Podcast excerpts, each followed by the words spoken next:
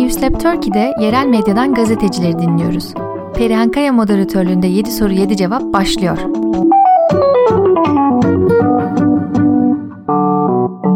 Yedi soru 7 cevap programdan merhabalar. Nisab Türkiye olarak yerel gazetecilerle mesleki sohbetlerimize devam ediyoruz. Bugünkü konuğum Diyarbakır'dan gazeteci arkadaşımız Bernak Kardaş ile beraberiz. Bernak Kardaş 24 Ekim'de 1997 yılında Diyarbakır'da doğdu. 24 yaşında. İlk, orta ve lise eğitimini Diyarbakır'da tamamladı. 2016 yılında Elazığ Fırat Üniversitesi İletişim Fakültesini kazandı. 2020 Fırat Üniversitesi İletişim Fakültesi gazetecilik mezunu. 2019 yılında Diyarbakır TRT'de stajını tamamladı. Şu an memleketi Diyarbakır'da gazetecilik ve dijital medya alanında çalışmalarını sürdürmeye devam ediyor.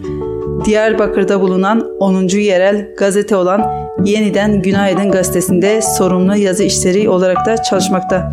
Berna hoş geldin. Hoş buldum. Nasılsın? İyiyim. Sen nasılsın? Ben de iyiyim. Teşekkürler. Yeni medya teknolojilerin gelişmesiyle birlikte gazetecilik tanımının sınırları aşındı. Bizim için bir gazetecilik tanımı yapar mısın? Benim için gazetecilik dürüst, etik, tarafsız, bağımsız olan kişidir. Gazeteci olduğun için pişmanlık duyduğun, meslek değiştirmek istediğin bir an oldu mu hiç senin? Ya şöyle söyleyeyim bazen zorlandığımız anlar oluyor ister istemez. Çünkü çok yoğun bir iş. Yani stabil değil. Hep böyle bir koşuşturma içerisindesin. Ama bu mesleği seçtiğim için hiç pişman değilim.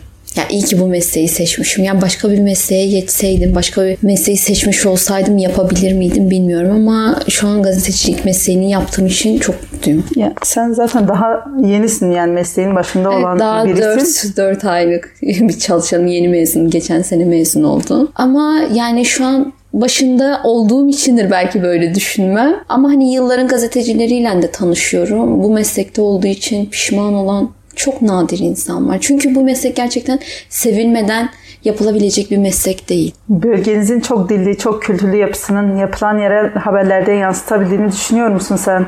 Diyarbakır bu anlamda çok zengin bir kent. Ya Diyarbakır gerçekten metropol bir kent. Çok büyük. Her kesimden, her bölgeden insan var. Bence yeteri kadar değil. Yeteri kadar yansıtabildiğini, yeteri kadar herkese ulaşabildiğini düşünmüyorum. Neden böyle peki? Yani büyüklüğünden, e, imkan yetersizliğinden, herkesin farklı bir bakış açısı olduğundan, farklı bir alanda olduklarından herkes herkese ulaşamıyor bana göre. Yerel gazetelerin okunmadığı gibi bir algı var. Sen okulların hakkında ne kadar bilgiye sahipsin? Okulunuzu ne kadar tanıyorsunuz? Ya şimdi şöyle ben daha e, iş anlamında da çok yeniyim. Yaş anlamında da çok yeniyim. Daha henüz 24 yaşındayım ve e, 4 aylık bu meslekte bir çalışanım. Ya yerel gazetelere pek fazla değer verilmiyor, kıymet verilmiyor. Ama bence yerel gazetecilik ölmemeli. Yani şu an ulusallara da baktığımız zaman e, bütün ulusal medya, ulusal gazeteler yerelden bugünlere gelen insanlar. Yani yerel bence hiçbir zaman bitmemeli. Yerelin kıymeti her zaman bilinmeli. Peki yerele karşı bu algı nasıl değişebilir? Yerele bu algı nasıl değişebilir? Ee, insanlarımızın biraz kendi bölgesindeki gazetelere sahip çıkması gerekiyor. Yani e, mesela bizim gazeteyi de alıp okumalılar. Ulusal gazeteyi de alıp okumalılar. Yani ulusal biliniyor diye sadece ulusal alınmamalı. Ya ulusal televizyon sadece izlenmemeli. Yerel kanallar da izlenmeli. Yani yerel gazetecilik bittiği gibi yerel televizyonlar da çok kötü durumda. Ya özellikle Diyarbakır yerel TV anlamında çok kötü. Aslında insanlar kendisini yerelde daha fazla görebilir. Evet yani hani e, kendi şehrinin sorunlarını, kendi sorunlarını yani senin sorunun zaten senin çevrende yaşayan insanın da sorunudur. Ya biraz insanlarımızın sahip çıkması gerekiyor yerel medyaya. Teknolojik imkanlarınız bakımından ne değişseydi gazetecilik süreçleri daha iyi olurdu? Ya yerellerin biraz e, maddiyat anlamında sıkıntıları var. Yani hani hiçbir kurum ve kuruluştan pek destek de almıyorlar. Yani maddiyatımız biraz daha fazla olsaydı yani kameradır, mikrofondur, ulaşım imkanlarımız çok çok daha iyi olurdu. Ya da çalışan sayımız çok çok daha iyi olurdu.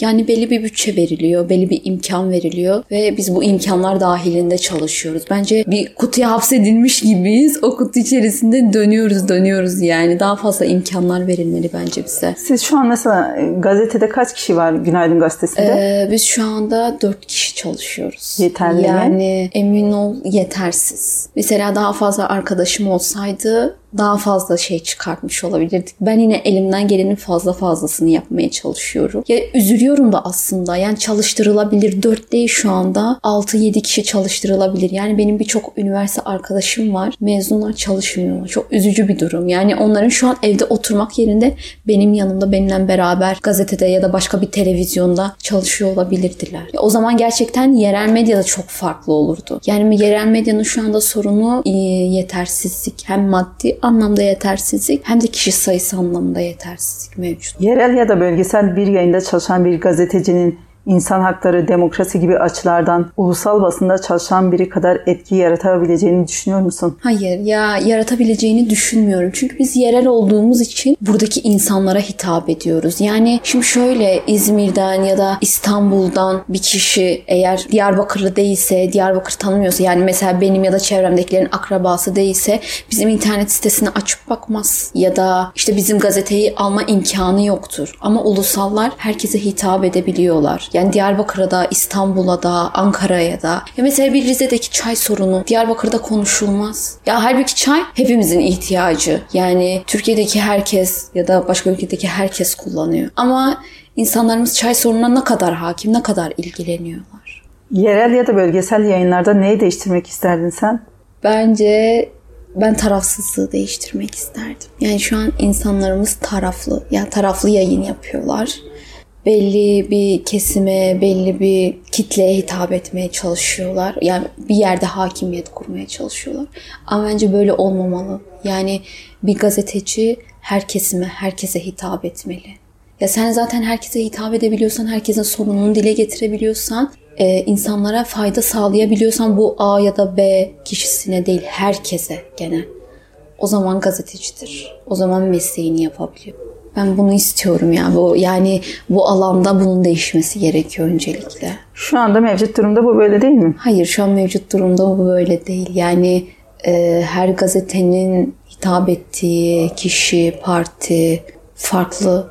Halbuki aynı olması gerekiyor. Yani bütün sorunlar mesela bir sorun varsa bir otobüs, yol, sorunu varsa bunu herkesin yazması gerekiyor. Ama ben yazmayayım, buna kötü olmayayım, dile getirmeyeyim, imkanımı kaybederim, bak beni ekarte ederler, düşürürler. Bu böyle olmamalı.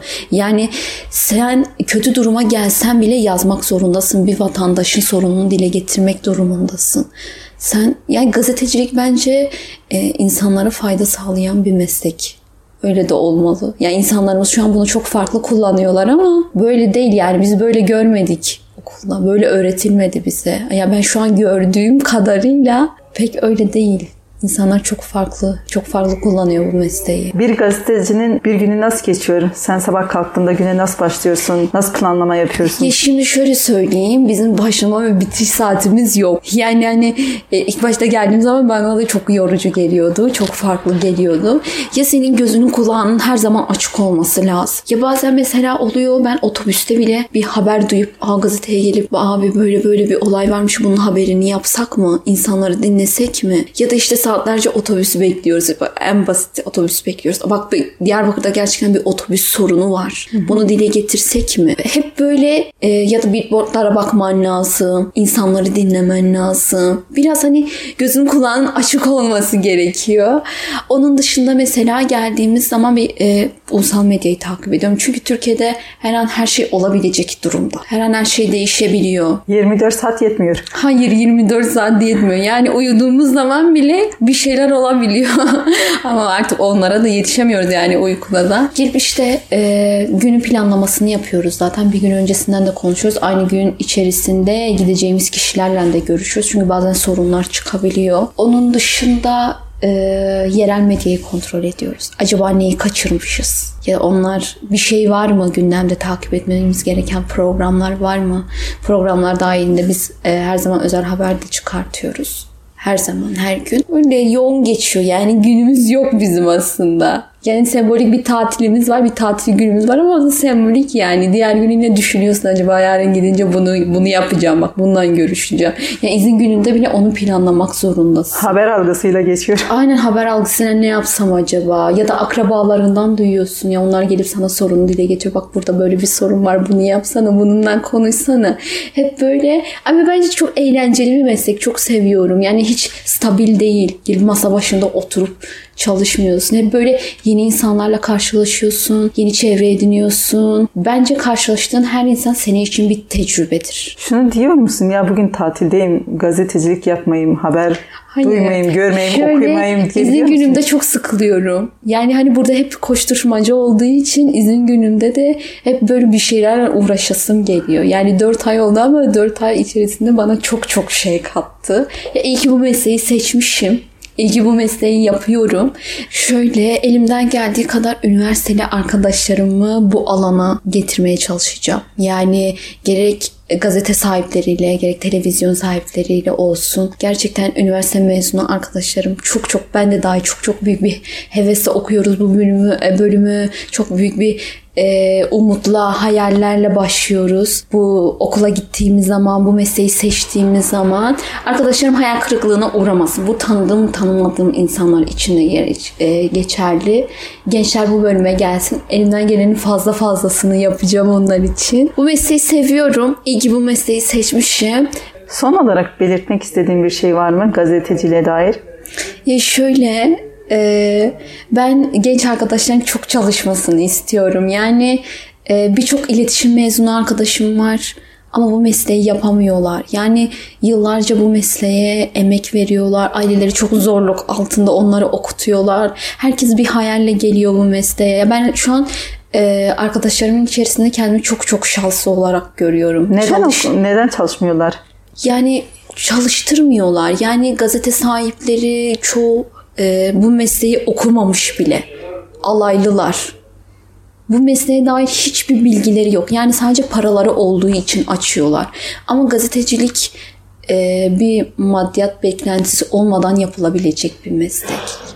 Ya şu an biliyoruz e, gündemi, alınan maaşları. Ya birçok arkadaşım çok hevesle başlıyor. Geliyorlar işte almıyorlar. İşte e, imkanımız yok. Yetersiziz. Yeni mezunsunuz. Tecrübeniz yok. Ya bir insan çalışmadan tecrübe edinemez ki. Ya ben genç iletişimci arkadaşlarıma öncülük verilmesini istiyorum. Yani artık gerçekten üniversite mezunu arkadaşlarımızın çalışması gerekiyor bu meslekte. Yoksa bu meslek gerçekten yok olmaya mahkum olabilecek bir meslek. Benimle konuşma imkanı da sağladığınız için çok teşekkür ederim ederim. Şu an gencim, yeniyim, daha dinamiyim diğerlerine göre.